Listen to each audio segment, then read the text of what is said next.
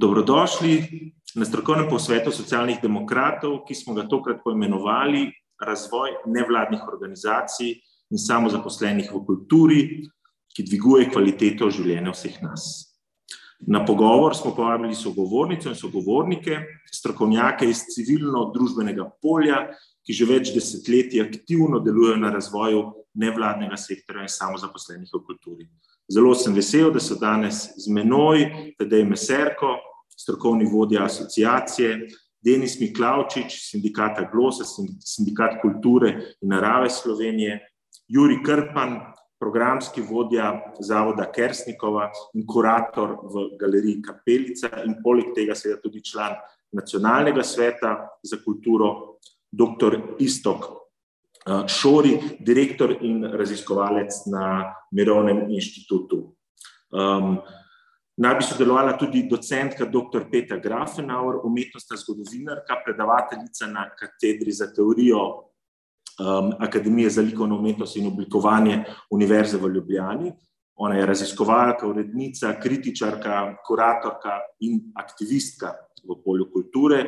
Žal je zaradi objektivnih razlogov danes ni med nami, je pa poslala svoje prispevke uh, v pisni obliki, ki jih bom potem v um, pogovoru seveda tudi predstavil in vas prosil za vaše pripombe.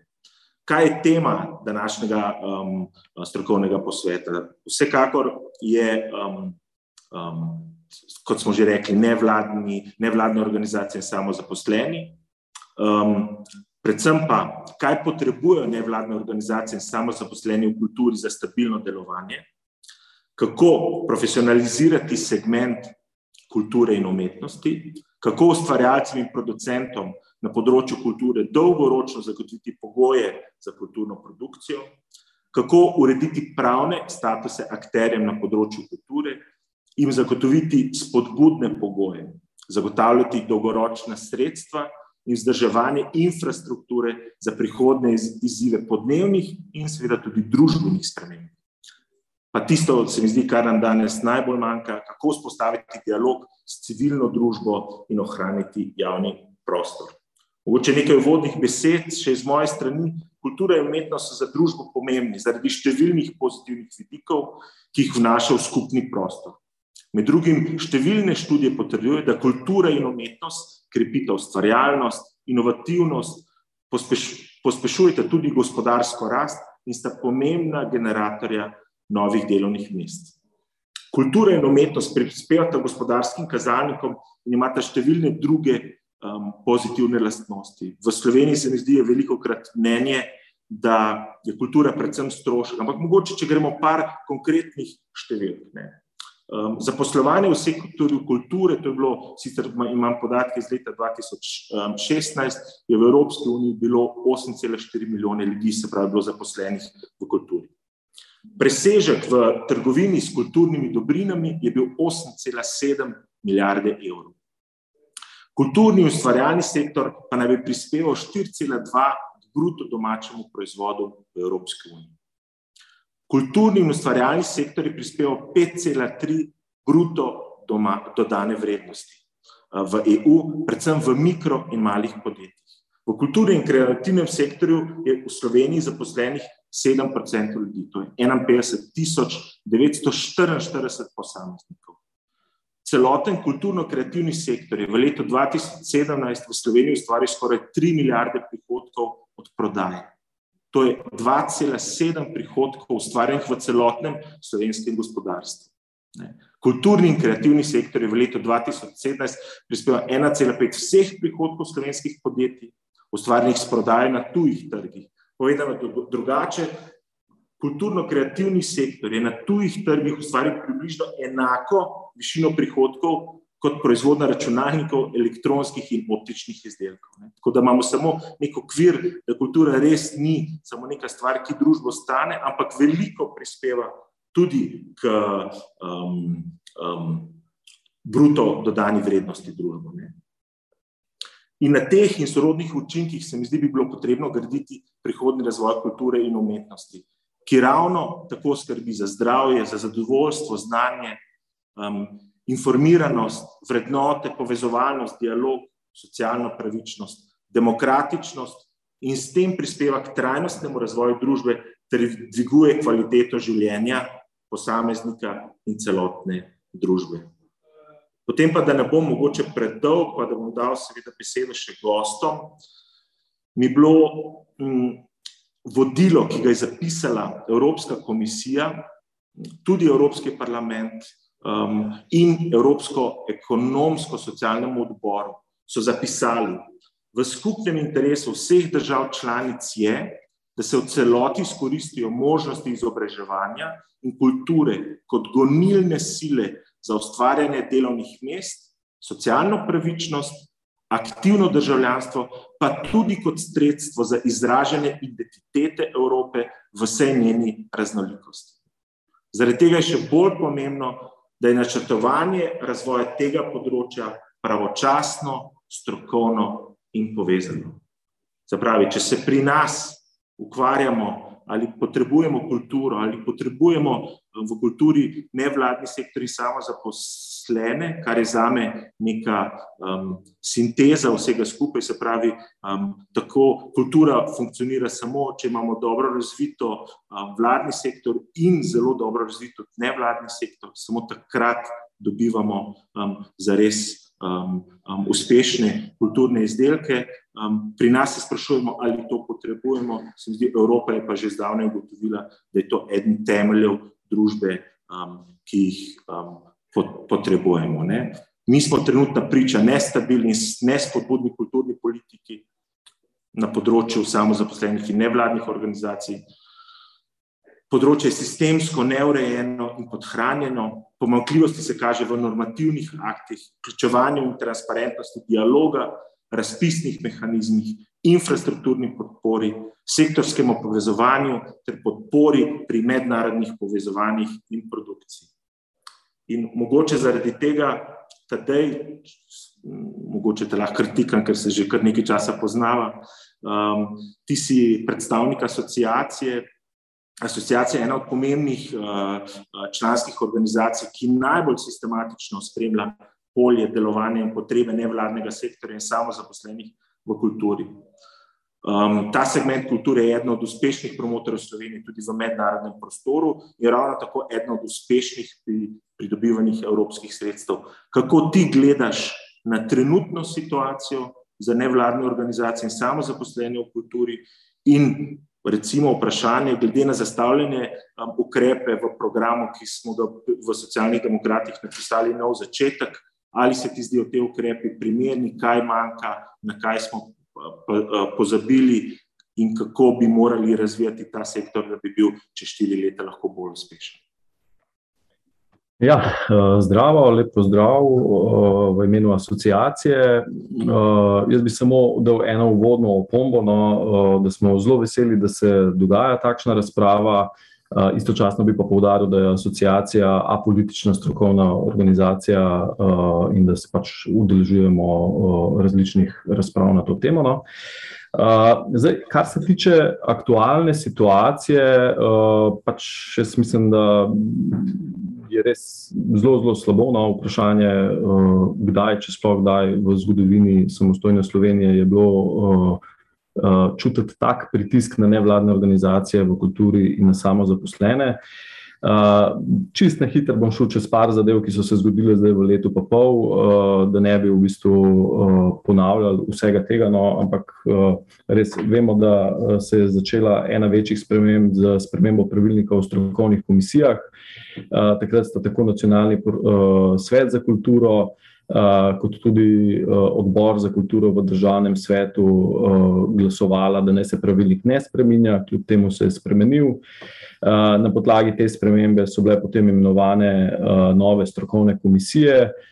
In rezultat dela teh novih strokovnih komisij je bil zelo malo opazen, najbolj očitno v medijskem razpisu, kjer je naprimer iz financiranja uh, ki je bilo praktično uh, kontinuirano, uh, izpadlo naprimer Radio Student kot ena uh, ključnih uh, organizacij za spremljanje, poročanje in obravnavo kulture. Izpadle so pa tudi druge nevladne organizacije, ki so zelo pomembne za posamezna področja, naprimer Lud literatura, revija Kino in tako naprej. Med drugim, naprimer, tudi asociacija. Ne? Tako da potem se je to so se te zadeve uh, nekako nadaljevale tudi uh, na drugih področjih. Uh, vemo, zelo velik problem je bil z Metelkovo 6, uh, ki še vedno uh, ni razrešen. Pač, uh, o tem bo mogoče uh, Šori lahko več povedal. Uh, ampak ja, tam je situacija, uh, stanje v. Opa, se upravičujem, uh, da so zadeve zdaj na sodišču. Uh, potem cela kupica težav je bila za samozaposlenimi uh, v kulturi. Uh, vemo, da je uh, varuh človekovih pravic, na pobudo asociacije, izdal mnenje in ugotovil več kršitev različnih pravnih norm. Potem so tukaj proti-korona ukrepi, uh, ker smo sicer uspeli na koncu doseči nekatere spremembe, ki so bile uh, Eh, oziroma ukrepe, ki so bili eh, pomembni za sektor, tudi za NVO in samo zaposlene. Ampak en zelo ilustrativen primer je, naprimer, so te eh, boni za kulturo. Asociacija je bila praktično eden ključnih zagovornikov tega ukrepa, ne? pa tudi med prvimi, ki smo to zagovarjali. Eh, seveda, ko je pa ta vlada to uh, sprejela, uh, je pa bone sprejela na tak način, da jih je zelo težko uveljaviti v, določenem, uh, v določenih področjih, uh, se pravi, nevladnega sektorja. Ker so pač izključili uh, iz CKD dejavnosti, to ključno dejavnost, ki jo imajo uh, nevladne organizacije, uh, in to je ta 94-999. Eh, pod katero praktično delujejo eh, vsaj polovica nevladnih organizacij. Podobno so pa naredili tudi za samo zaposlene eh, v kulturi, ne? kar je pač velika škoda in kar prepoznavamo, podobno kot je zdaj s proračunom, ne? če je to ena najbolj uh, akutnih in aktualnih težav. Ne? Vidimo, da se proračun za kulturo v bistvu povišuje, uh, sredstva za nevladni sektor uh, se pa zmanjšujejo. Ne? Podobno je bilo pri Bonih, v bistvu. Uh, ta neka sredstva so bila predvidena, da bodo šla v uh, javni sektor, uh, v nevladni sektor pa ne. To je čisto kot uris situacije. Uh, zdaj, kar se tiče programa SD-a, uh, bi ga tako na prvo žogo, če že rečem s tem žargonom, lahko absolutno pozdravili in ocenili kot program, ki vsebuje nekatere točke, ki so absolutno prebojne za nevladni sektor in samo zaposlene v kulturi. Uh, če se pogovarjamo o, tem, kateri ukrepi so mogoče najbolj nujni, uh, kateri so bolj dolgoročni, kaj v programu, ki nam je bil predstavljen, v bistvu manjka. Bi pa nekako tako začel, no, da absolutno najbolj nujno je, da začnemo sploh spoštovati zakonodajo. Ne. Uh, namreč uh, na področju kulture imamo kar nekaj zakonskih določil, ki so že sprejeta in to že kar nekaj let, nekatera, pa se ne izvajajo. Uh, naprimer, naj, en daljših takšnih ukrepov, ki je zapisan v ZUIK-u, je uh, brezplačno uh, računovodstvo za samo zaposlene v kulturi. Res je to kot opcijsko napisan, ampak ne vem, zakaj se ta opcija nikoli ni uh, realizirala. Uh, potem, naprimer, zdaj imamo že uh, približno 3-4 leta, uh, oziroma še več, no, praktično od leta 2017, zapisan delež za umetnost. To je tudi uh, ne, stvar, ki se jo da zelo hitro implementirati implementirati, pa tudi nikoli nismo prišli do tega. Potem imamo v zakonu o nevladnih organizacijah zapisano financiranje vsebinskih mrež iz resornih ministrstv. Tudi tega, naprimer, se na Ministrstvu za kulturo nikoli ni izvedel, čeprav je zakon tudi že zdaj sprejet, praktično 4-5 let. Naprimer, naprej, če, če izpostavim še enega takih ukrepov, je primerljivo financiranje nevladnih organizacij oziroma predvsem programov z financiranjem javnih zavodov. Ne. To je v 56. členu ZUIK-a zapisano. Ne. ker bi kot osnova isto mogel biti 27. člen ZUIK-a za preračunavanje financiranja, nevladnih organizacij.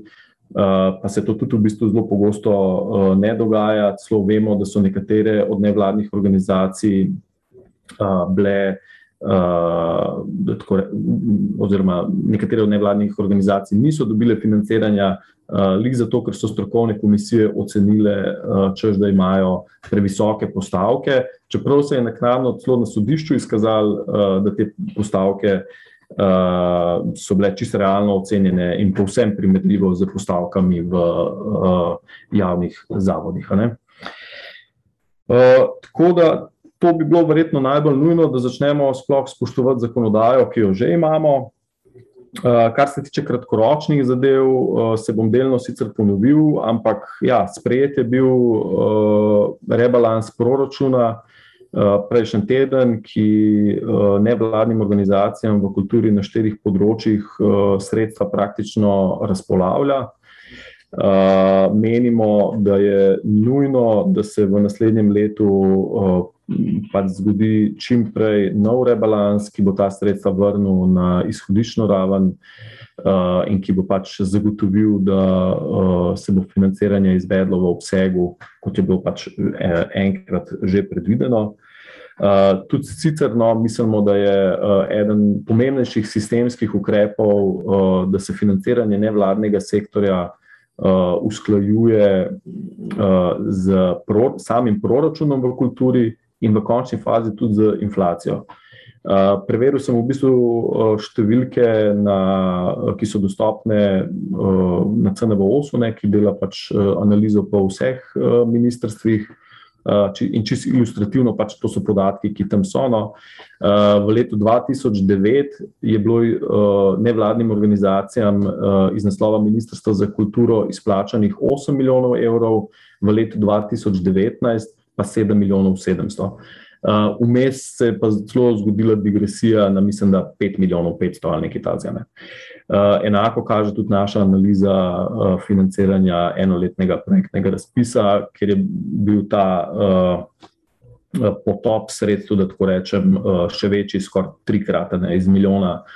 Uh, 190 je šlo na 380 tisoč, približno. No. Uh, Uh, in se zdaj v zadnjem letu se je sicer dvignil spet na 800 tisoč, ampak kar je poanta vsega skupaj, da se mi niti sploh še vrnili nismo na sredstva, ki smo jih imeli, uh, kaj šele, da bi se uh, tle zgodil uh, nek napredek. Uh, zdaj, pri teh kratkoročnih zadevah, uh, seveda, eden, naj, najbolj pomembnih točk uh, je vedno financiranje. Uh, V tem smislu razpisni mehanizmi predstavljajo za nevladni sektor seveda enega osrednjih mehanizmov.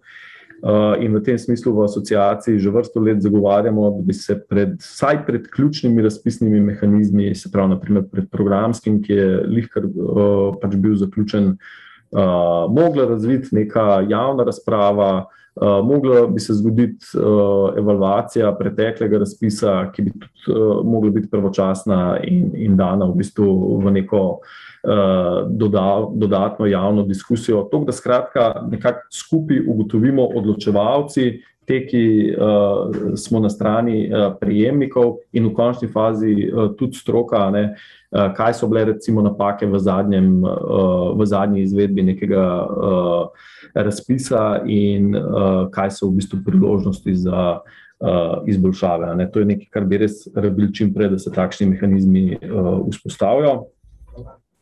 Uh, potem v programu, če komentiram nekatere točke, ki so zapisane v programu, ne, uh, je v bistvu sprememba strokovnih komisij. Uh, tle bi predvsem poudarjali, da zelo pozdravljamo način, kako so bile imenovane strokovne komisije pred tem zadnjim sklicom, ne, ko so bile res praktično prvič imenovane z nekim javnim, transparentnim uh, postopkom, uh, ki ga je takrat tudi vodil uh, CNVOS. Uh, tako da tle bi bil poudarek ne samo zamenjati strokovne komisije, ampak da moramo res nadaljevati z čim bolj uh, javnimi in transparentnimi uh, postopki, uh, ki bi jih bilo dobro na nek način uh, tudi zapisati, mogoče uh, v kaj bolj stabilnega, kot je samo uh, pravilnik. No? Kot rečeno, veliko ukrepov je uh, zelo dobrih notrno, tako da jih ne bi zdaj individualno komentiral. Mogoče bi komentiral to, kar je na nek način uh, umankalo. Uh, in to so zares infrastrukturne potrebe nevladnega sektorja. Uh, vidimo, kaj se dogaja na Metelkovi 6.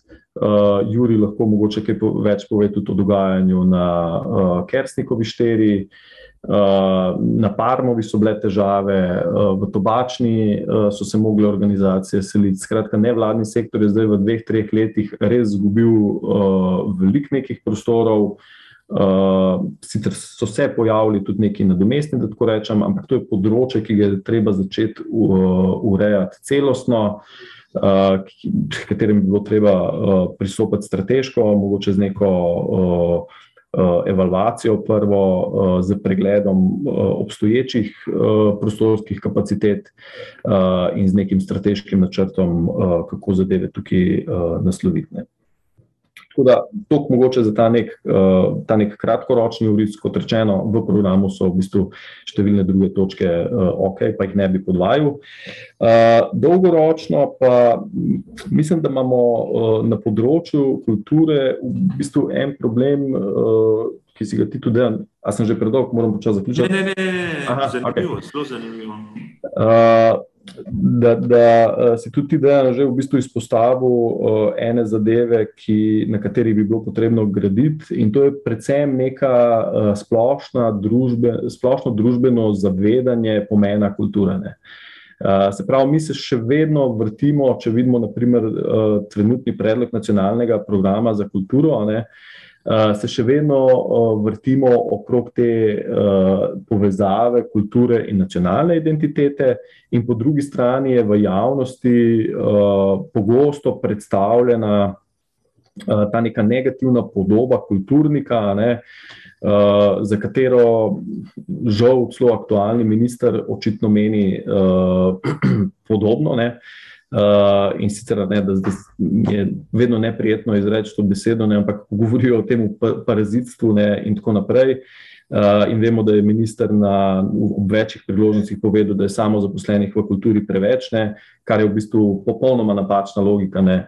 Uh, na vsakem ministrstvu so uh, razvoja področja uh, veselja, ne, in ko se številke povečujejo, vsi pač to vidijo kot neko priložnost in razmišljajo, kako to uh, da tako rečem, pozitivno izkoristiti, ne samo pri nas vidimo napredek nečesa kot problem. Ne. Tako da tle je treba začeti delati na dolgoročnem osveščanju in na spremembi javne podobe kulture kot take. Ne. Da se bo, naprimer, tudi, ko bo prihajalo do volitev, in, in ko se, naprimer, mogoče tudi stranke sprašujejo, Eh, kako visoko morajo umestiti kulturo. Eh, da bo tudi skratka v, jav, v splošni javnosti se reflektiralo to neko zavedanje, da kultura pač ima zelo velik nekih pomenov in zelo raznolike pomene, ki jih, kot je bilo tudi že povedano, potrjujejo številne raziskave. Uh, Svetovna zdravstvena organizacija, če omenim samo eno, je izdala pregledno publikacijo z več kot 2500 raziskavami, ki dokazujejo, uh, da umetnost in kultura pozitivno vplivata na zdravje. Uh, potem je tlele vpliv umetnosti in kulture na uh, ustvarjalnost in inovativnost. Uh, na pač različne gospodarske kazalnike, ima in tako naprej. Uh, samo še dve zadeve bi uh, izpostavil, kar se tiče dolgoročnih horizontov, in bi s tem tudi zaključil. Uh, eno je uh, absolutno usporedno temu, kar sem prej omenil, in to je uh, razvoj občinstva. Uh, pač na tem delu moramo več delati, uh, in pa uh, še enega splošnejših bi izpostavil, ampak absolutno pomembnejših, tudi v vseh, da tako rečem, aferah, ki so se pojavljale v zadnjem času, to je pač vprašanje spola.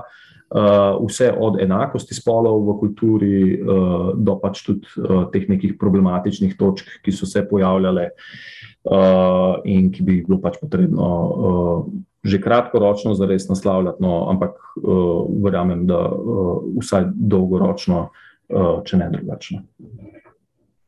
Da s tem bi zaključil ta del, če bo pa še kakšno vprašanje, ali pa še kakšna intervencija. Pa. Najlepša hvala, Tadej.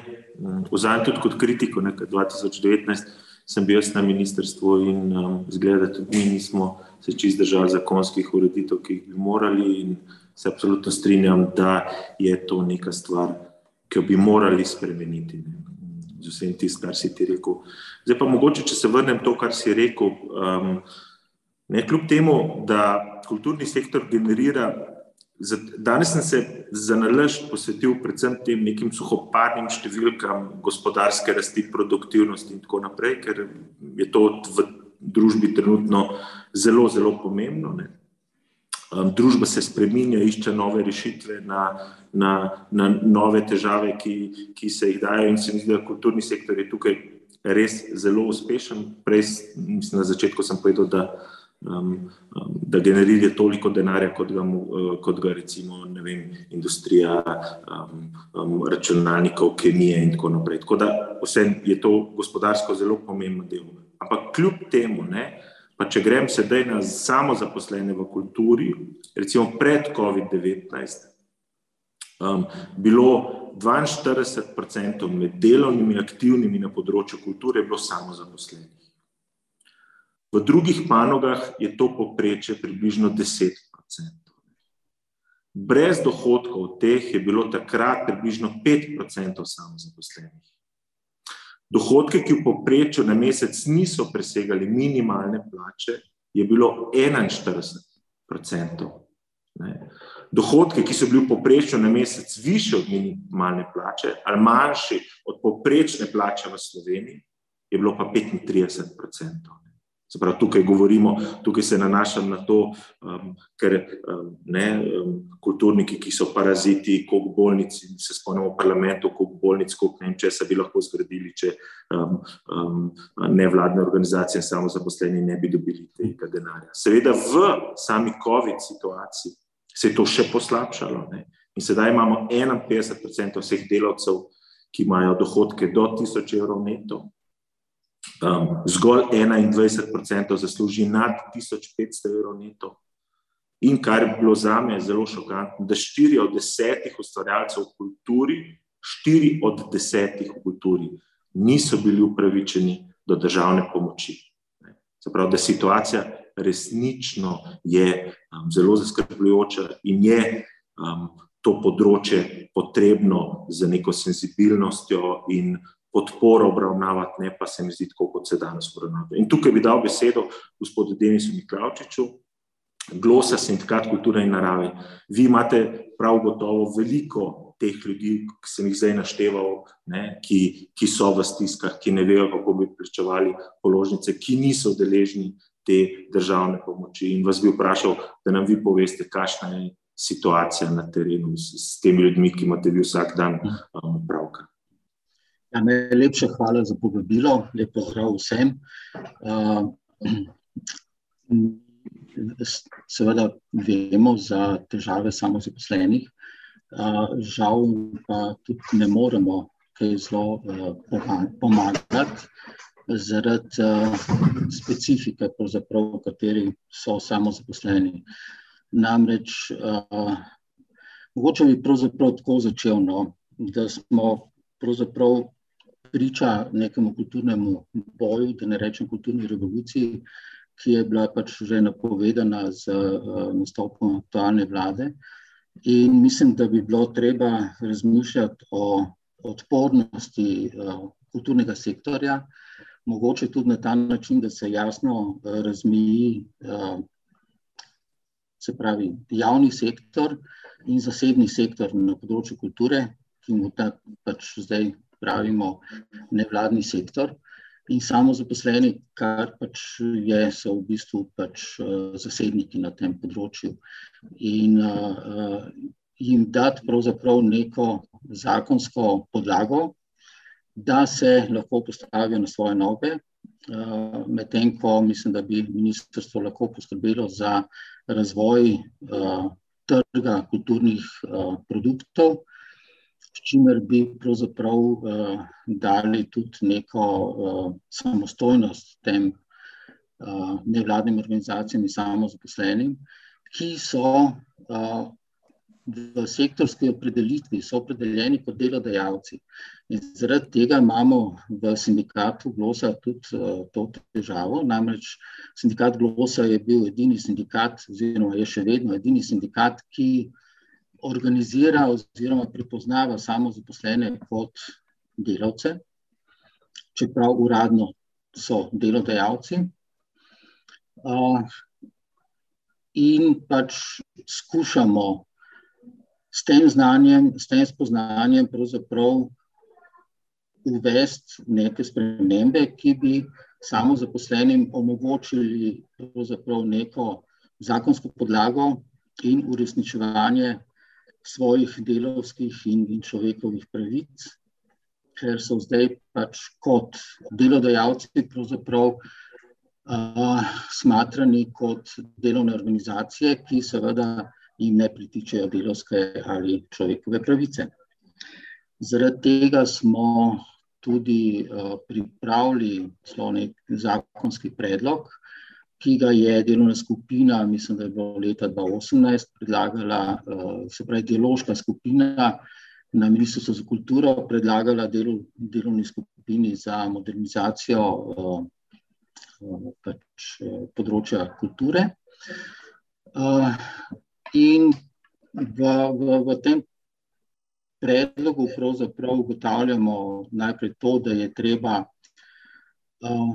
samo zaposlene na nek način uh, jim priznati, uh, se pravi, jim to, da nekako jih, jih spraviti pod delovno, delovno pravno zakonodajo. Se pravi, da bi na nek način jim zagotovili delovske pravice, pa čeprav na ta način, da morajo sami sebi, kot, sam, kot delodajalci, sami sebi, pravzaprav si zagotavljati te uh, delovske pravice.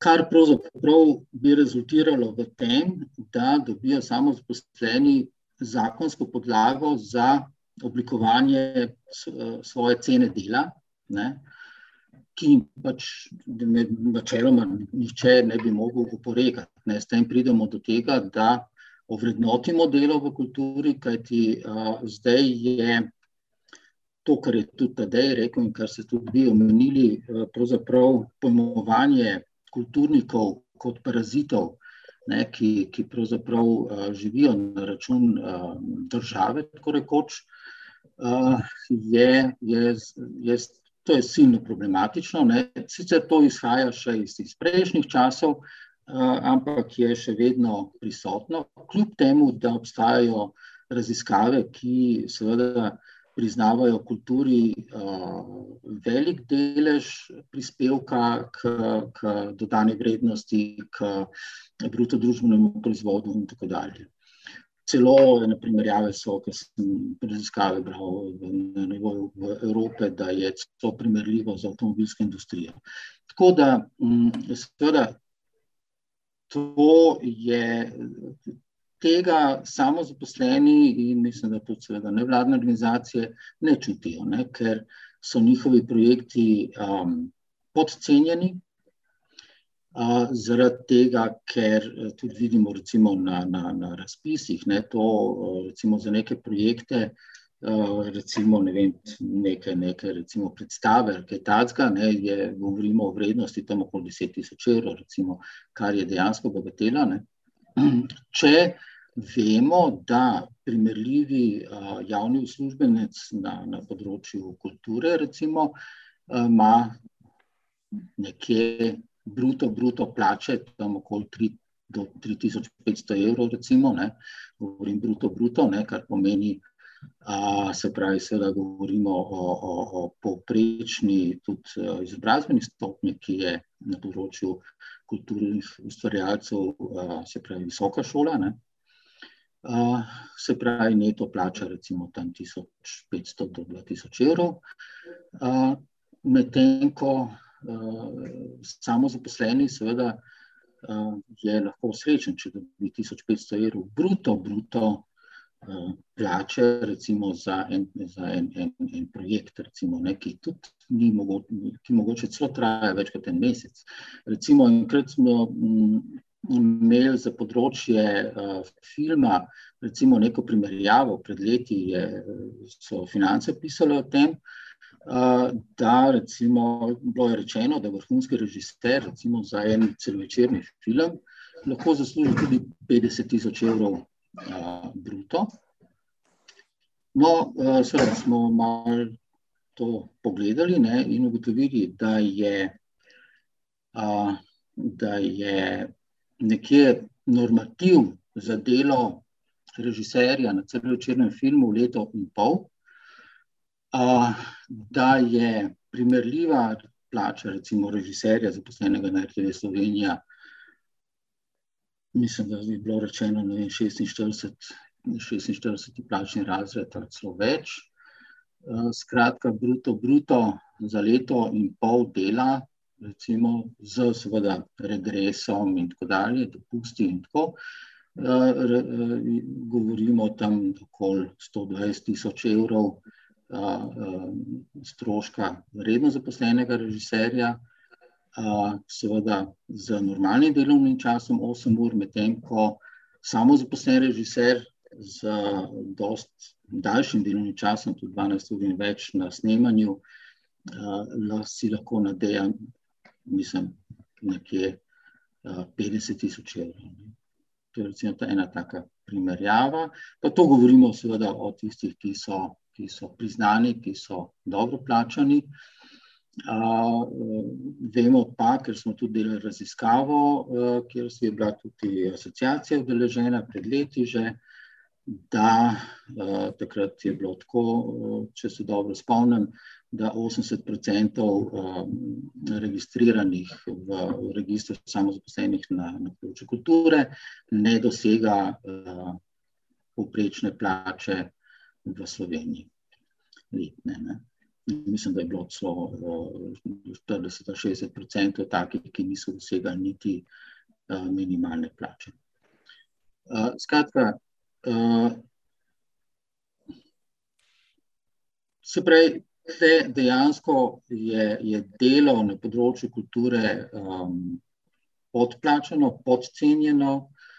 Um, da ne govorimo recimo avtorskih pravicah, ki so seveda, ki izhajajo iz, iz uh, tega, da posrednik, se pravi, tisti distributer in, in, in, in prikazovalec in tako dalje, seveda uh, uh, generira prihodek na nekem delu, ki je, ki je avtorsko delo, ne? in uh, je ta prihodek uh, pri nas kar skoraj malo pozabljene. Vse so neke avtorske pravice, se priznajo, ampak se ne priznavajo na podlagi generiranega prihodka. Ne? Pa pustimo to, da, da je naš trg mehen. Uh, mislim, če rečemo lokalni slovenski trg. Ne? Uh, mi sicer seveda, moramo razmišljati o evropskem trgu, ne, z 400 milijoni prebivalcev, to je naš trg. Skratka, moramo pogledati čez mejo in si pač omogočiti tudi ta pogled. Skratka, tudi nekaj režiserjev je takih, ki so šli čez mejo in tudi živijo od, od, od svojega dela.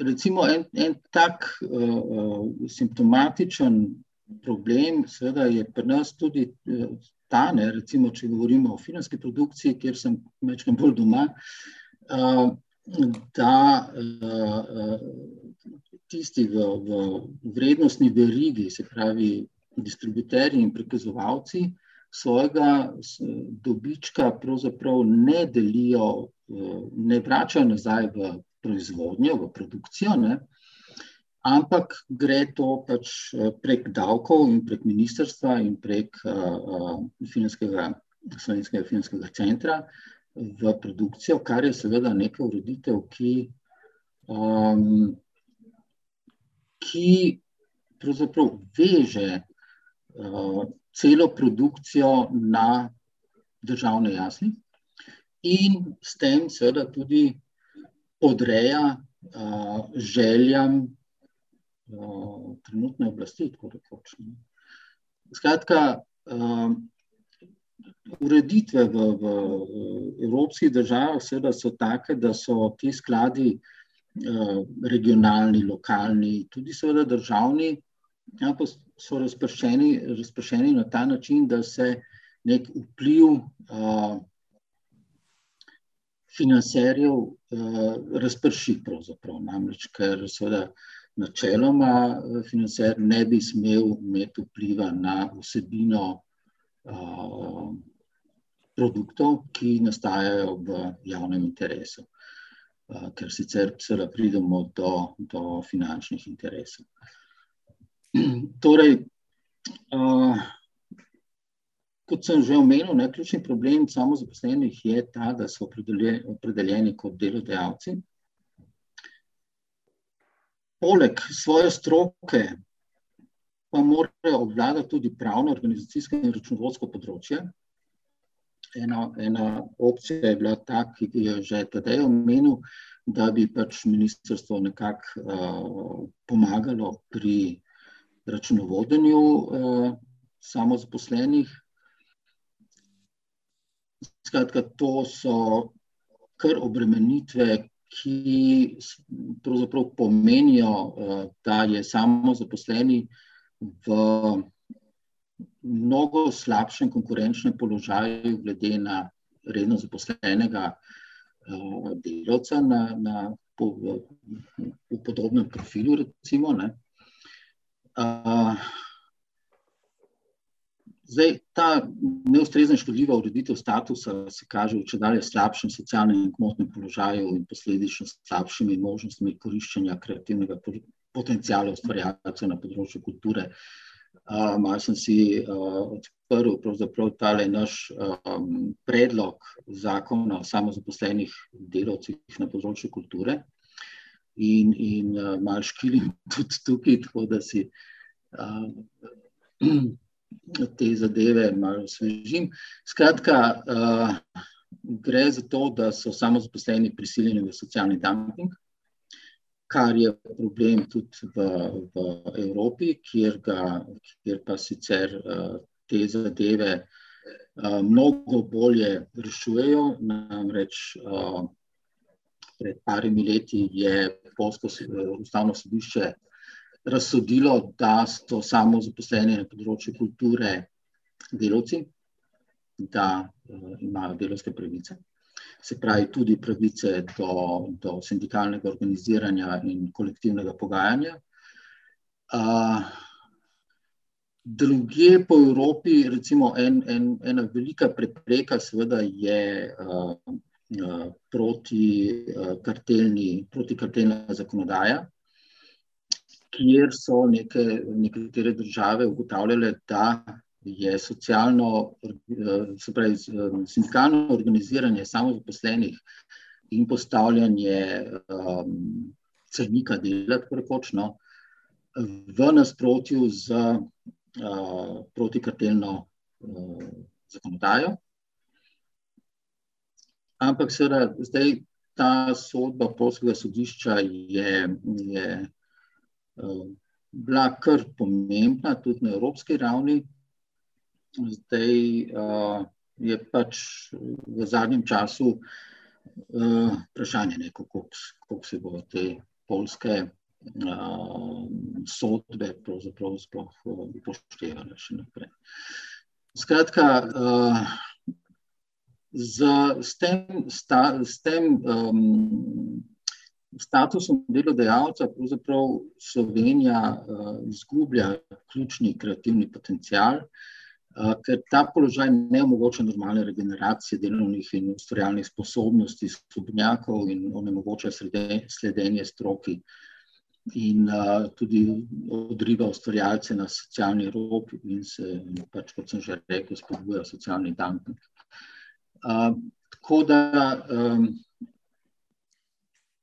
naš predlog je, da bi uh, samo zaposlene na področju kulture najprej definirali, Se pravi, govorimo o tistih um, samozaposlenih, ki opravljajo svoje delo osebno, se pravi, svojega dela ne morejo delegirati nekomu drugemu, kar pomeni, da recimo v primeru uh, bolniške uh, so pač um, ostanejo brez prihodka, ker nihče drug ne, ne more uh, pač nadomestiti tega dela. Ne? Recimo, ne, pač slikar ne more reči uh, svojemu vajencu, da na slike sliko na mest mene. Uh, Gospod Miklač, se občujem, da vas prekinem, ampak samo da ne ja. bomo predolgi, ker bomo še kar nekaj sogovornikov. Um, um, najlepša hvala za te um, vaše poglede. Mi smo seveda ravno to, kar ste omenili, tudi kot drugi ukrep je uh, v našem programu zakonodajne spremembe javnega interesa na področju nevladnih organizacij, samozaposlenih v kulturi in predvsem uvedba samostojne postavke um, finančne, ki bi zagotovila nek um, stabilen finančni vir, ki ne bi bil odvisen od vsakdanje um, um, politične oblasti. Se pravi, da bi tukaj, če bi zakaj zakonska ureditev, da se ne bi mogel to, kar je tedaj razložil, ne neka postavka iz 6,5 milijonov spustiti na 3,5, ampak bi mogel s tem zakon spremeniti. Ne. Če bi zakonsko določil, kako koliko um, in iz katerega vira se bi to financiralo. Pa če gremo mogoče lahko naprej, najlepša hvala za vaš prispevek. Juri, um, ali po tvojem mnenju, če je pred politiko nujen za izziv za vzpostavitev novega kulturnega sistema, ne, ki ne bo izpuščal pogoje stabilnega delovanja, za celotno vertikalo na področju kulture. To je tisto, kar sem na začetku govoril, ne, da um, se ne poskušamo ločiti na vladne, ne vladne, samo zaposlene, zaposlene, ampak vsem v tej verigi seveda omogočamo, da bodo lahko um, dobro in kvalitetno delali, predvsem dolgoročno lahko razmišljali o svojem delu. In zdaj tukaj, kaj treba. Um, kaj mora politika tukaj spremeniti. Velikrat sem opazil, da pri gospodarstvu govorimo o ohranjevanju delovnih mest. Ne. Ta pomoč, ki se plača, um, je ohranjanje delovnih mest, ne. V kulturi pa govorimo o pomoči. Ne. Pač so to isto delovne mesta, isto jih ohranjujemo. Vemo, kako je težko, če um, um, tonski mojstri, ne vem, lučkari in drugi v kulturi um, grejo delati nekam drugam ali zamenjajo sam poklic, ker jih, um, jih je zelo težko um, hitro izobraziti in zelo težko dobiti spet. Zaprav, tvoj pogled, predvsem na, na ta vzpostavitev novega kulturnega sistema, kaj bi bilo potrebno storiti. Ja, mislim, dejansko stanje je danes tako, da je kulturni sektor zelo razslojen, zelo je stratificiran in v resnici nevladniki, ki se uh, v grobem delimo na ta ljubiteljski del, pa na naš poklicni del, ne, pa potem javni sektor, smo vsak svoja, svoj otok in med sabo v resnici ne komuniciramo, ni, ni pretoka. Ne. In tukaj bi še veljalo najprej na začetku um, se spopasti z nekim temeljnim nesporazumom, kaj nevladni sektor sploh je. To je uh, pač civilna družba, ki je reagirala na spremembo uh, realnosti, in ker uh, ni bilo take ponudbe strani javnega servisa države, smo se kot civilna družba samo organizirali, ne, ustanovili nevladne organizacije in dopolnili ponudbo na področju kulture ne, za vse državljane. Delujemo v javnem interesu, to je tisto, kar nas enači eh, po kvaliteti eh, in po dometu z javnim sektorjem. Ehm, hkrati pa eh, finančno, pa tudi pravno, formalno, nismo še um, obravnavanje enakopravno. To, kar je prej uh, Tadej povedal, in k tej enakopravnosti uh, stremimo. Zdaj, uh, mi smo se tam uh, skoraj že pred desetimi leti usedli skupaj z ljubitelji, se pravi z javnim skladom za kulturne dejavnosti, ki je sestavljen v glavnem iz društv, ne, pa tudi z Zvezo društv, uh, um, ko je že Zveza kulturnih društv Slovenije. Ne, In uh, smo šli čez njihov osnutek zakona o ljubiteljski kulturi, in smo nekako uh, um, se zmenili, kaj pomeni zdaj ta nevladni sektor z njihove perspektive, pa kaj pomeni na, nevladni sektor z naše poklicne um, perspektive. Tako da mi tukaj smo, ta dva otoka, že nekako smo, bom rekel, te trajekte in uh, povezave med obema otokama smo vzpostavili. Ko smo želeli to vzpostaviti tudi z uh, javnim, z javnim sektorjem, se to enostavno ni zgodilo. To tam okoli 2009-2010 se je to dogajalo. In to je bilo nujno potrebno res, se pravi, da je ta pretočnost, da je ta kulturni model, ki ga bomo zdaj na novo, ki ga želimo na novo vzpostaviti, nekako podrazumeva, kako mi so, so bivamo in so ustvarjamo na tej eni barki kulturi. Um, tako da uh, k tem potem uh, pašajo noter vse te zakonske opredelitve, recimo nevladnega sektorja v Zujku, uh, v tem drugem členu Zujka, ki določa, kdo je sploh upravičen za financiranje, sploh ni napisanega. Ne? In uh, običajna razlaga je bila, ja, vse ste ugrajeni skozi vsebine noter, ampak to je tako, ne? če nisi z imenom, potem te zelo lahko ubidejo, če tukaj obstaja nek interes, da bi te nekdo da bi te nekdo obšel. Um, naš nevladni sektor velja za zelo uspešnega pri pridobivanju uh, evropskih sredstev. In dejansko uh, se prav nam veliko krat ta parazitizem učita, čež da so to neke organizacije, ki parazitirajo sredstva, javna sredstva, jih uh, odžirajo umetnikom, ne, zato da so tam neke, uh, neki zavodi, neka društva uh, uh, financirana. V resnici uh, mi, nevladniki, pridobimo ogromno sredstev uh, iz evropskih razpisov in jih pripeljemo v to državo in dofinanciramo produkcijo tukaj. In potem, seveda, s, tem, s temi produkcijami gostujemo tudi na vzven in delamo državo primerljivo z drugimi državami. Tako da, recimo v našem primeru zavoda Kersnikova, ne, je to približno tako, da 25% sredstv budžeta um, pridobimo um, na ministrstvu in lokalni skupnosti skupaj, 75% pa pripeljemo iz Evrope. Ne. Kar je um, v resnici zelo slabo. Um, razmerje. Zaradi tega, ker tudi v Evropi, ko mi formiramo naša eh, partnerstva z drugimi organizacijami, velja, da toliko kot preneseš s sabo, toliko lahko tudi nekako pričakuješ, da boš dobil. Ta recipročnost je tukaj zelo pomembna. Ne? To je ena stvar. Druga stvar pa je ta, da smo mi tukaj podvrženi, kljub temu, da smo recimo nekateri deležni programskega financiranja, k vsakoletnem preverjanju in administriranju naših uh, uh, produkcij, kar nas strašno destabilizira, ker ne moremo računati na neko trajnostno financiranje. Mi smo vsakič znova um, v nekem radikalnem preizpraševanju naše legitimnosti, niti ne legalnosti, ampak a sploh bomo dobili mi ta sredstva. To pa je za recimo dolgoročno načrtovanje smrt, ne da se peljati organizacije, če ne moreš dolgoročno načrtovati. Projekti, ki jih izvajamo, recimo, in so podprti z evropskimi sredstvi, so najmanj dve leti.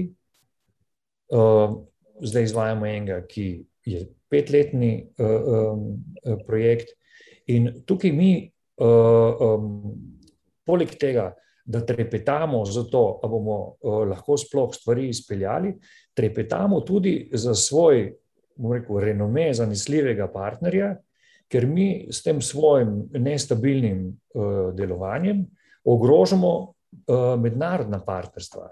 In to ni v redu. To ni v redu za celotno polje, ki, ga mi, um, ki ga mi vodimo. Ne? Tako da um, um, s tem v mislih bi bilo nujno potrebno stabilizirati uh, pogoje delovanja um, nevladnega sektorja. Ne zaradi tega, da bi se mi zdaj mastili na nekih dodatnih sredstvih, daleč od tega.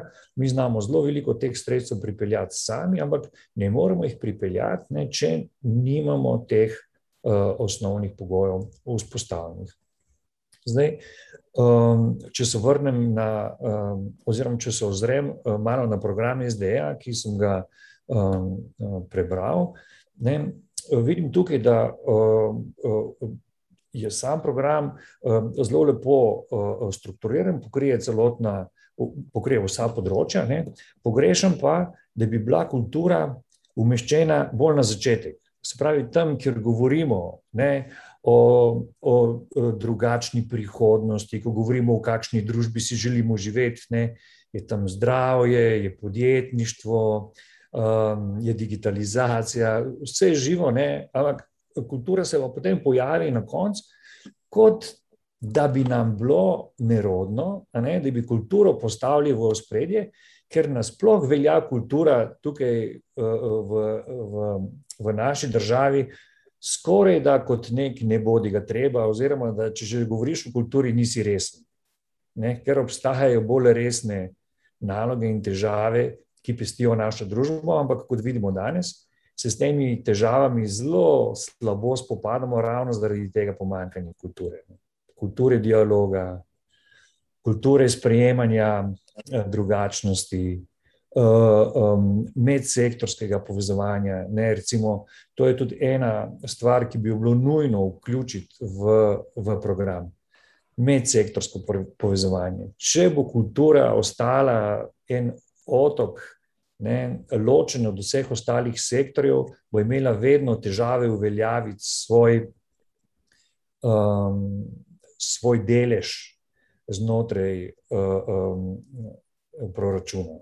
Uh, in o tem smo recimo govorili, uh, ko govorimo o nespoštovanju zakona. Ko mi vprašamo ministrstvo, zakaj se ne zgodi uh, obvezni delež, ta en procent, dobimo odgovor, ja, da na ministrstvo za finance nič ne ve o tem, pa potem, ko zvejo o tem, ne, se druga ministrstva uh, oglušijo uh, za ta zakon in tako naprej. In tukaj mi nevladniki lahko zelo malo naredimo. Ne? Tukaj jaz mislim, da je Eh, da je res eh, žogica na, na politiki in da mi rabimo, mi rabimo eh, ministrstvo, ki je povezano, ki je horizontalno vključeno čisto vse sektore.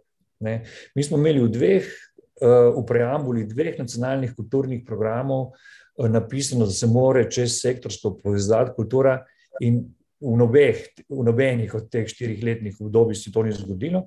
Mi zdaj recimo izvajamo kohezijske projekte, kjer je tudi v preambuli pisalo, da morajo vsi eh, projekti, ki bodo financirani, biti medsektorsko vodeni, ne samo povezani, vodeni.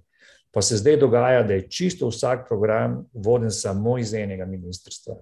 Ne, se pravi, to nesodelovanje čisto na tej, bomo rekel, vladni ravni ne, in potem navzdol eh, na ministrstvih, eh, je neobstoječe in blokira pravzaprav to, da se ta rekel, dru, kulturni proizvod integrira v vse plasti, v vse plasti naše družbe.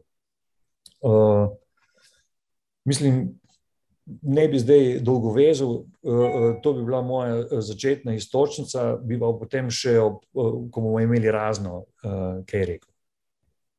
Najlepša hvala, Juri. Se absolutno s tabo strinjam. Tudi mi smo opazili, da smo se tudi smo upozorili, seveda, tudi na to, da je kultura, seveda, saj za te, ki delamo v socialnih obratih na tem področju, da bi radi, da bi bili takoj na začetku. Um, je pa to v današnjih situacijah mogoče težko. Bi pa mogoče, kako je lahko drugače, samo opozoril. Um, ko, sem se, ko sem se pogovarjal z Nemci, ko je Olaf Scholz, ki bo postal naslednji kancler Nemčije, ko je postal um, župan Hamburga, ne, je določil na začetku, ko je kandidiral, ko je prijavil kandidaturo, je določil, kdo bo odgovorni za kulturo v mestu in kdo bo odgovoren za gospodarstvo v mestu Hamburg. Ne. In s tem je hotel povedati, kaj so bile za njega prioritete.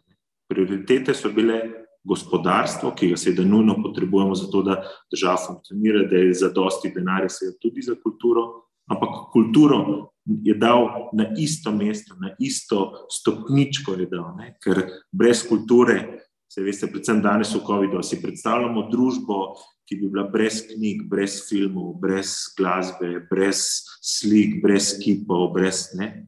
Si jo ne, saj jaz jo ne. In tudi jaz, ker pišemo v naši knjigi, kako bi se radi zbudili leta 2030, ne, bi se rad zbudil, v katerem bi bila kultura pomembna, v katerem nas ne bi bilo sram, da bi rekli, da je celo kakšen kulturnik zelo dobro plačan. Ker če je dober in uspešen, je prav tako, da je dobro plačan.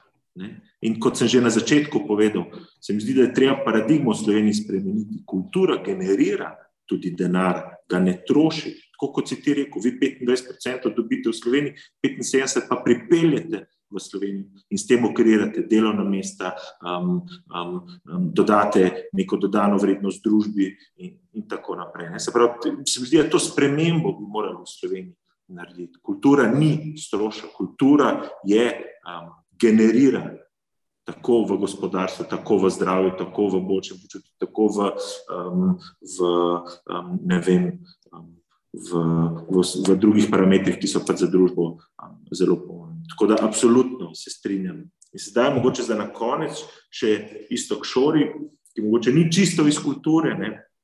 Um, um, predvsem bi tukaj jaz vas vprašal, kar me zanima. Ena je, civilna družba pač potrebuje infrastrukturo za delovanje.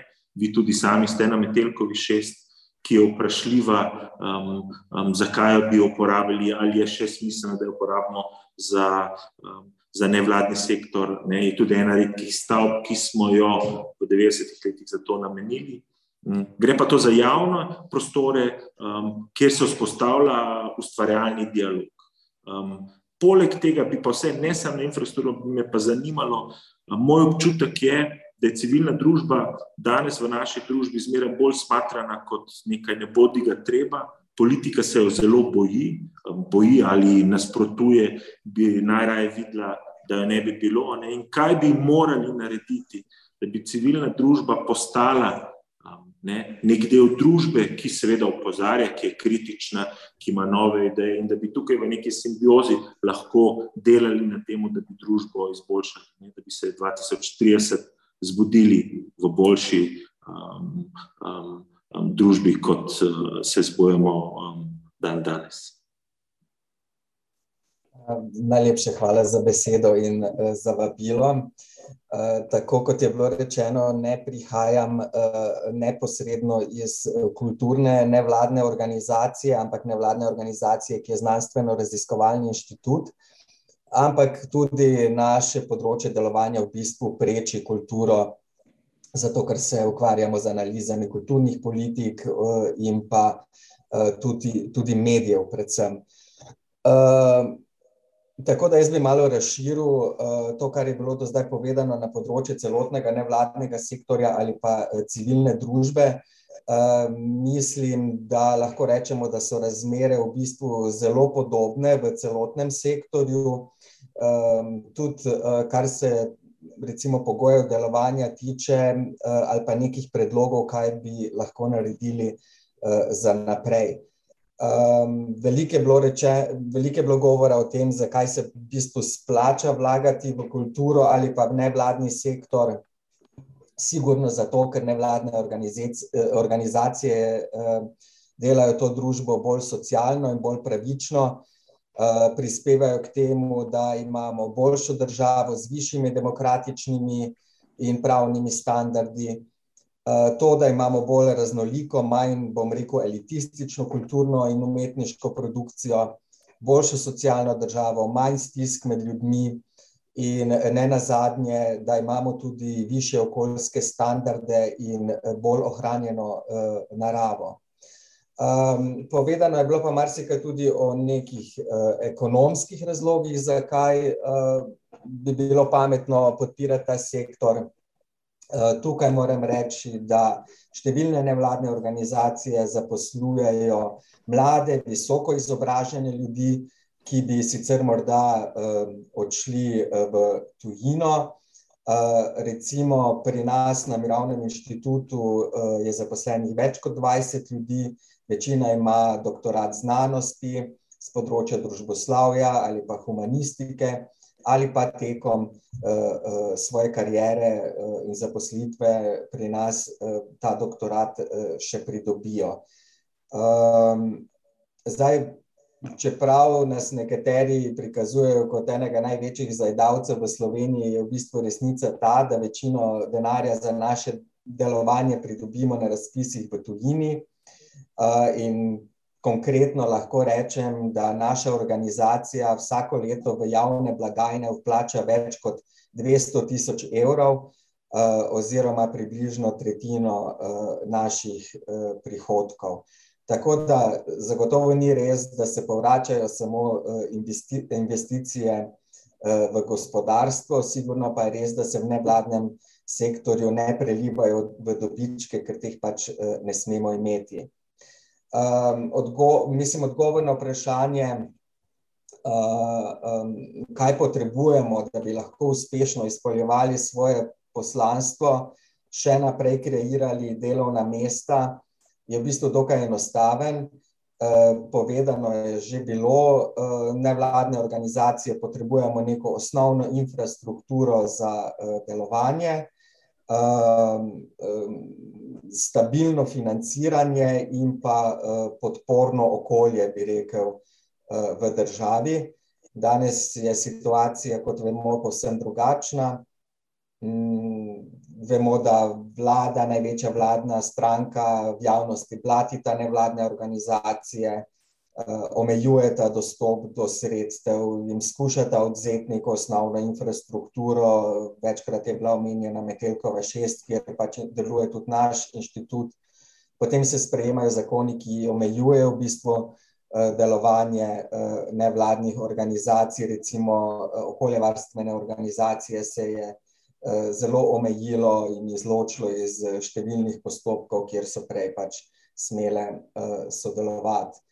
Tako da potrebno je vsekakor prepoznati kompetence, neko strokovno znanje, ki ga nevladne organizacije imamo.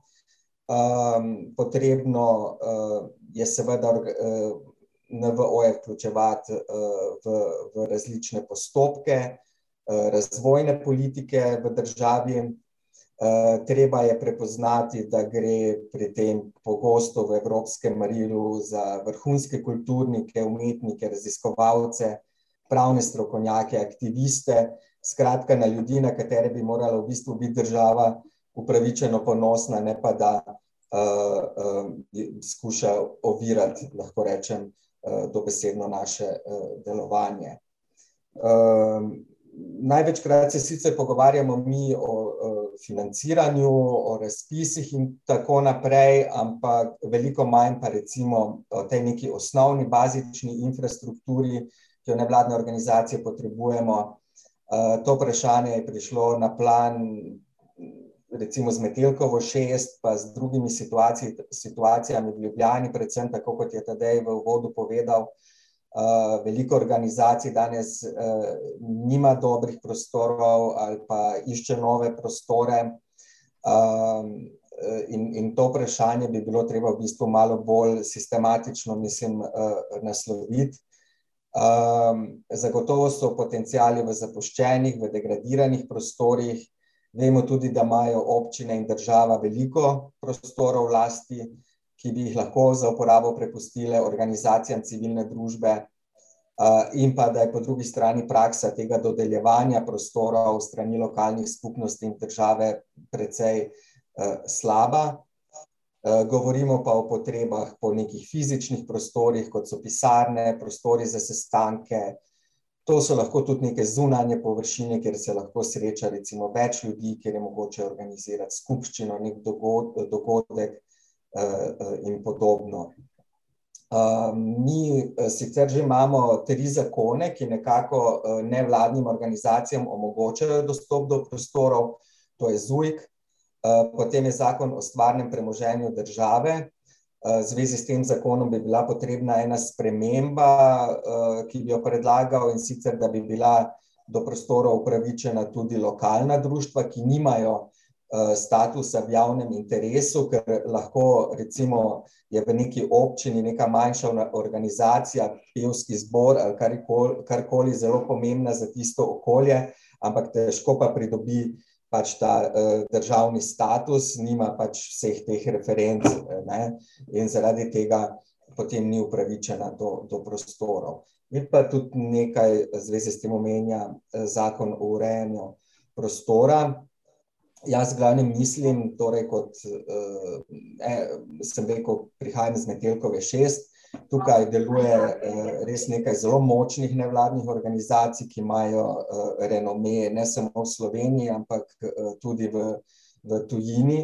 In mislim, da je pač ta njihova ali pa naša moč povezana prav z dejstvom, da smo lahko več kot dvajset let v miru ustvarjali v nekih prostorih na enem mestu, ali pa recimo, da rečem z besedami Virginije Woolf, pač da smo imeli, da smo imeli to lastno sobo. No, v glavnem na tem področju se mi zdi, da bi bilo treba kaj narediti v prihodnje, tudi v programu, kolikor sem ga na hitro preletel, zdaj nisem opazil, da bi kaj takega v bistvu tudi predlagali, ne. Morda bi bilo to zame dovolj za začetek. Najlepša hvala. mogoče imamo še približno petnajst minut, bi vseeno nekaj obdelali smo vso to področje, govorili smo o infrastrukturi, ki jo tudi mi omenjamo v programu, omenjali smo financiranje, ki, še enkrat povem, čeprav izhajam iz politične stranke, se vseeno zavzemam v to, da bi prišli do financiranja, ki ne bi bilo podvrženo trenutni oblasti, ne da bi oblast lahko sama, ampak je neko stabilno financiranje, to, kar je tudi Jurij prej omenil, da lahko isto kot gospodarstvo dolgoročno planiraš in veš, kako boš lahko delal, ne, iz, iz razpisa v razpis, ko ne veš, koliko bo denarja sploh namenjeno za ta, za ta za te razpise in, in delovanje. mi omenjamo v programu tudi o bančnih garancijah, ker velikokrat vemo, da zelo, zelo uspešne nevladne organizacije v Sloveniji so uspele pridobiti veliko evropskih sredstev, ampak vemo, da razpisni pogoji zahtevajo pač neko lastno financiranje, ki je lahko težava, in v tujini imamo to, da pač banke vsaj garancijo dajo za to, da lahko do teh lastnih sredstev prideš in seveda lahko potem počrpaš tudi evropski denar. predvsem pa tisto, kar se mi zdi, ste vsi malo povedali, da se moramo zavedati, da je to, da je ta del družbe zelo pomemben, da ni nič hudega, če dobro zaslužijo, jaz mislim, da si umetniki zaslužijo dober zaslužek in dostojno življenje, in s tistimi številkami, ki sem jih, ki sem jih na začetku povedal, ne, če imamo skoraj petdeset procentov ljudi, ki nimajo se pravi neke povprečne slovenske plače, potem zelo težko govorimo o nekih parazitih, ki črpajo denar in zelo lepo od tega živijo. Mogoče kot zaključno misel, gremo lahko mogoče v obratnem vrstnem redu, če se strinjate, me zanima, kako vi gledate na to, kako spremeniti to miselnost v Sloveniji, to, kar sem že prej povedal, da je, da kultura ni nepotreben strošek. Pa predvsem, kako priti do spoznanja, da je kultura gonilna sila za ustvarjanje delovnih mest, socialne pravičnosti in aktivnega državljanstva. Kako tukaj skupaj lahko pridemo do tega, da bi to miselnost spremenili. Pa mogoče kar gospod Čordić, z vami začnemo. Ja, mislim, da je potrebna predvsem neka zaveza politike tukaj, no, da politika ne izrablja pač kulturnikov in pa celotnega nevladnega sektorja za neke boje, ali pa tako, kot trenutno vidimo, a ne, vse, kar pač ne sodi v neki določen ideološki ali pa interesni okvir, je, je treba na neki način uničiti, ne, treba je pač prepoznati, da je prav ta neka raznolikost to, kar, kar nas v bistvu krepi. No. Jaz vidim v Sloveniji en tak bolj splošen problem, zdi se mi, da je pač treba spremeniti miselnost, da si ne bomo več metali polen pod noge, ampak se na nek način podpirali. Zdaj, če vidimo, da je nekdo na nekem področju dober, pa je naj to, je to umetnost, kultura, nasplošno, ne vem, sociala, je to uh, uh, karkoli. No? Dajmo ga podpreti. Če ima nekdo ideje, dajmo mu uh, sredstva, da, da jih lahko uresniči. Um, um, zagotovo bomo na koncu uh, vsi, vsi imeli uh, uh, več od tega. No?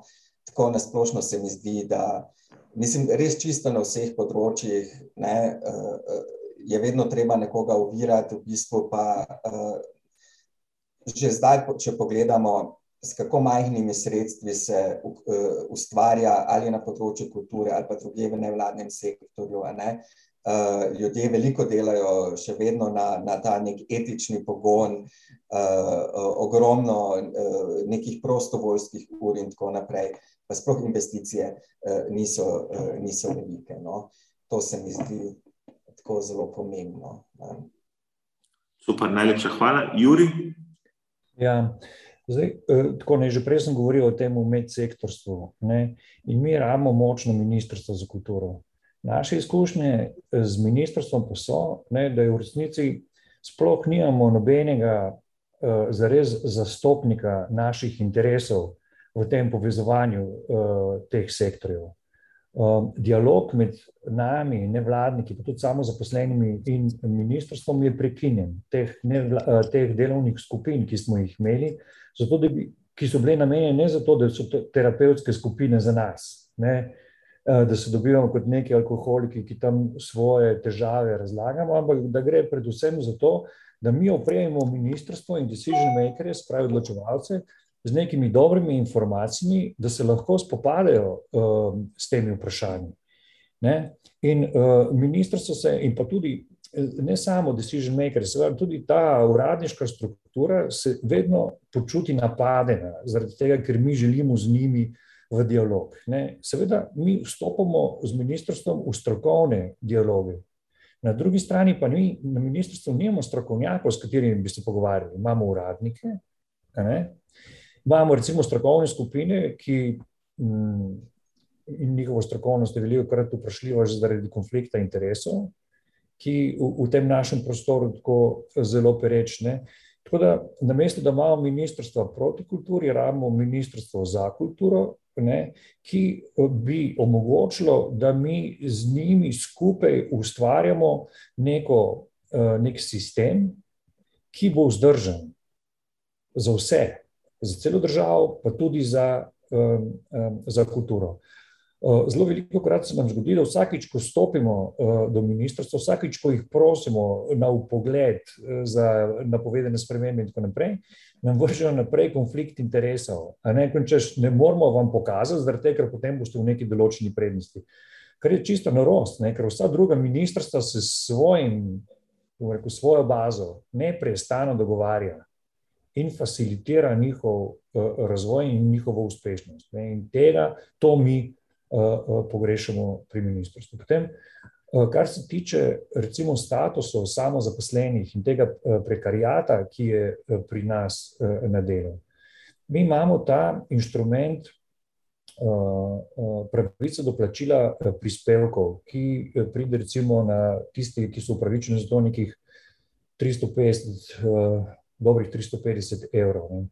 To je ena oblika univerzalnega temeljnega dohodka, ki se pri nas izvaja že vrsto let in ki je izjemno uspešen, ki je korektiv, ki korigira ne polje kulture, ampak korigira celotno družbo in bi lahko bil zgled tudi za druge sektorje.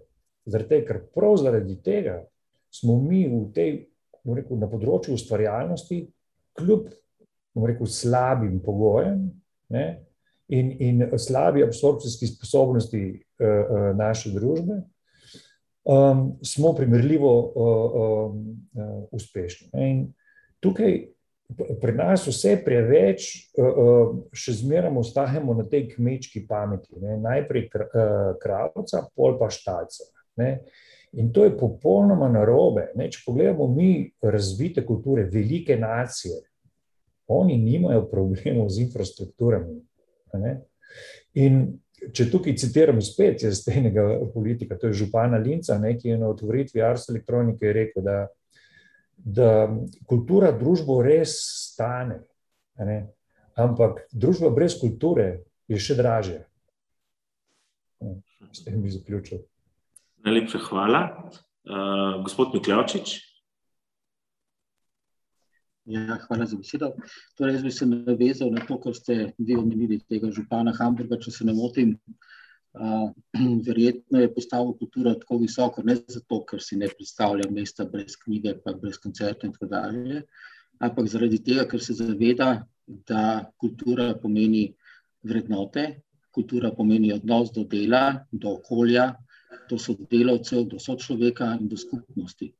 Skratka, kultura naj ne bo sama sebi namen, pač pa se moramo zavedati, kakšen učinek ima na skupnost kot tako in vsak investiran evro se mnogo kratno povrne, seveda, če zasledujemo te cilje. Hvala lepa. Najlepša hvala. In še za, na koncu, Tadej Meserko, asociacija. Ja, uh, kar se tiče spreminjanja miselnosti o pomenu kulture, ne, jaz mislim, da niti ne rabimo iti tako zelo daleč, dovolj je, da gremo samo na ostale uh, resorje in bomo videli, kako se spreminja neka miselnost v družbi. Uh, eden lepših primerov je sigurno zdaj pač ta kampanja, ki jo imamo o cepljenju in vsa ta prizadevanja, ki jih ima država za to, da pokaže, da je nekaj pomembno in za to, da v bistvu uh, spreminja razumevanje nečesa, kar je sicer pogosto razumljeno uh, drugače. Mogoče, uh, eden lepših primerov se dogaja tudi na Ministrstvu za gospodarstvo, v okviru katerega imamo Slovensko turistično agencijo, ki ima praktično enak proračun kot JAH in SPC skupaj, ki sta pač tudi javni agenciji, ne? ampak oni so praktično posvečeni samo temu, da ustvarjajo neko podobo o Sloveniji v tujini ali pa tudi znotraj Slovenije kot neke turistične destinacije. Ne? Se pravi, mislim, da bi mogla. Uh, da bi mogli tudi znotraj kulturnega resorja uh, zagotoviti neka sredstva, točno zato, da se ta sprememba začne dogajati. Sama od sebe se bo zgodila zelo težko, če se bo pa temu namenili neke politike ustrezne, ne, uh, in seveda se jih tudi podprli uh, z sredstvi. Pa, a to pa pomeni, da bo ali država neposredno delala, ali da se bo to dal ne vem, nekemu javnemu zavodu, ali pa v končni fazi tudi uh, nevladnim organizacijam. Uh, uh, je seveda uh, stvar v bistvu uh, neke taktike izvajanja strategije. Uh, bi pa ob temu dodal samo še to, ne, da uh, bi bilo seveda zelo smiselno, da se uh, na to temo naredi tudi kakšna nacionalna raziskava. Naprimer, ne, uh, mi imamo zdaj to raziskavo, ki sem jo prej omenil, uh, Svetovne zdravstvene organizacije ne, na temo uh, vpliva umetnosti na zdravje in to je res uh, zavidanja vreden, vreden uh, pregled. Ne. Uh, ampak ja, tudi recimo, to je nekaj, kar bi lahko Ministrstvo za kulturo naročilo neko raziskavo, uh, da naprimer, vidimo, kakšen je vpliv, ali kakšna je razlika med podjetji, ki uh, močno vključujejo kulturo, ki imajo tudi uh, tradicijo vključevanja kulture v podjetja. Uh, in naprimer nekih drugih podjetij, ne, ali pa kar koli drugega. No, skratka, pridobiti tudi uh, ustrezne podatke, tako rečemo. Um, najlepša hvala za ta za me in upam tudi za tiste, ki so nas gledali, zelo zanimiv pogovor za, na, za vaše poglede. Um, na to najlepša hvala tudi docentki Peti Grafenauer za prispevek, ki ga je poslala um, um, po mailu. Um, upam, da bomo ta dialog nadaljevali, saj jaz sem si nekaj stvari zapisal, glavna zadeva je horizontalna povezanost stabilno financiranje, ki bo daleč od uh, moči politike, ki bo vsakeč kreirala, glede na njen um, pogled, koga bo financirala in zakaj, infrastruktura, administrativna pomoč, mogoče pa iz moje strani na koncu samo, um, se mi zdi, danes um, potrebujemo predvsem spoštovanje, dialog in sodelovanje pri, skupnim, pri skupnem iskanju rešitev uh, za boljšo um, družbo. Ne. In potem se mi zdi, bo za vse lahko veliko bolje, tudi za nas, ki se ukvarjamo z kulturo. Najlepša hvala in upam, da se um, kmalo spet vidimo. Hvala lepa, lepo zdrav.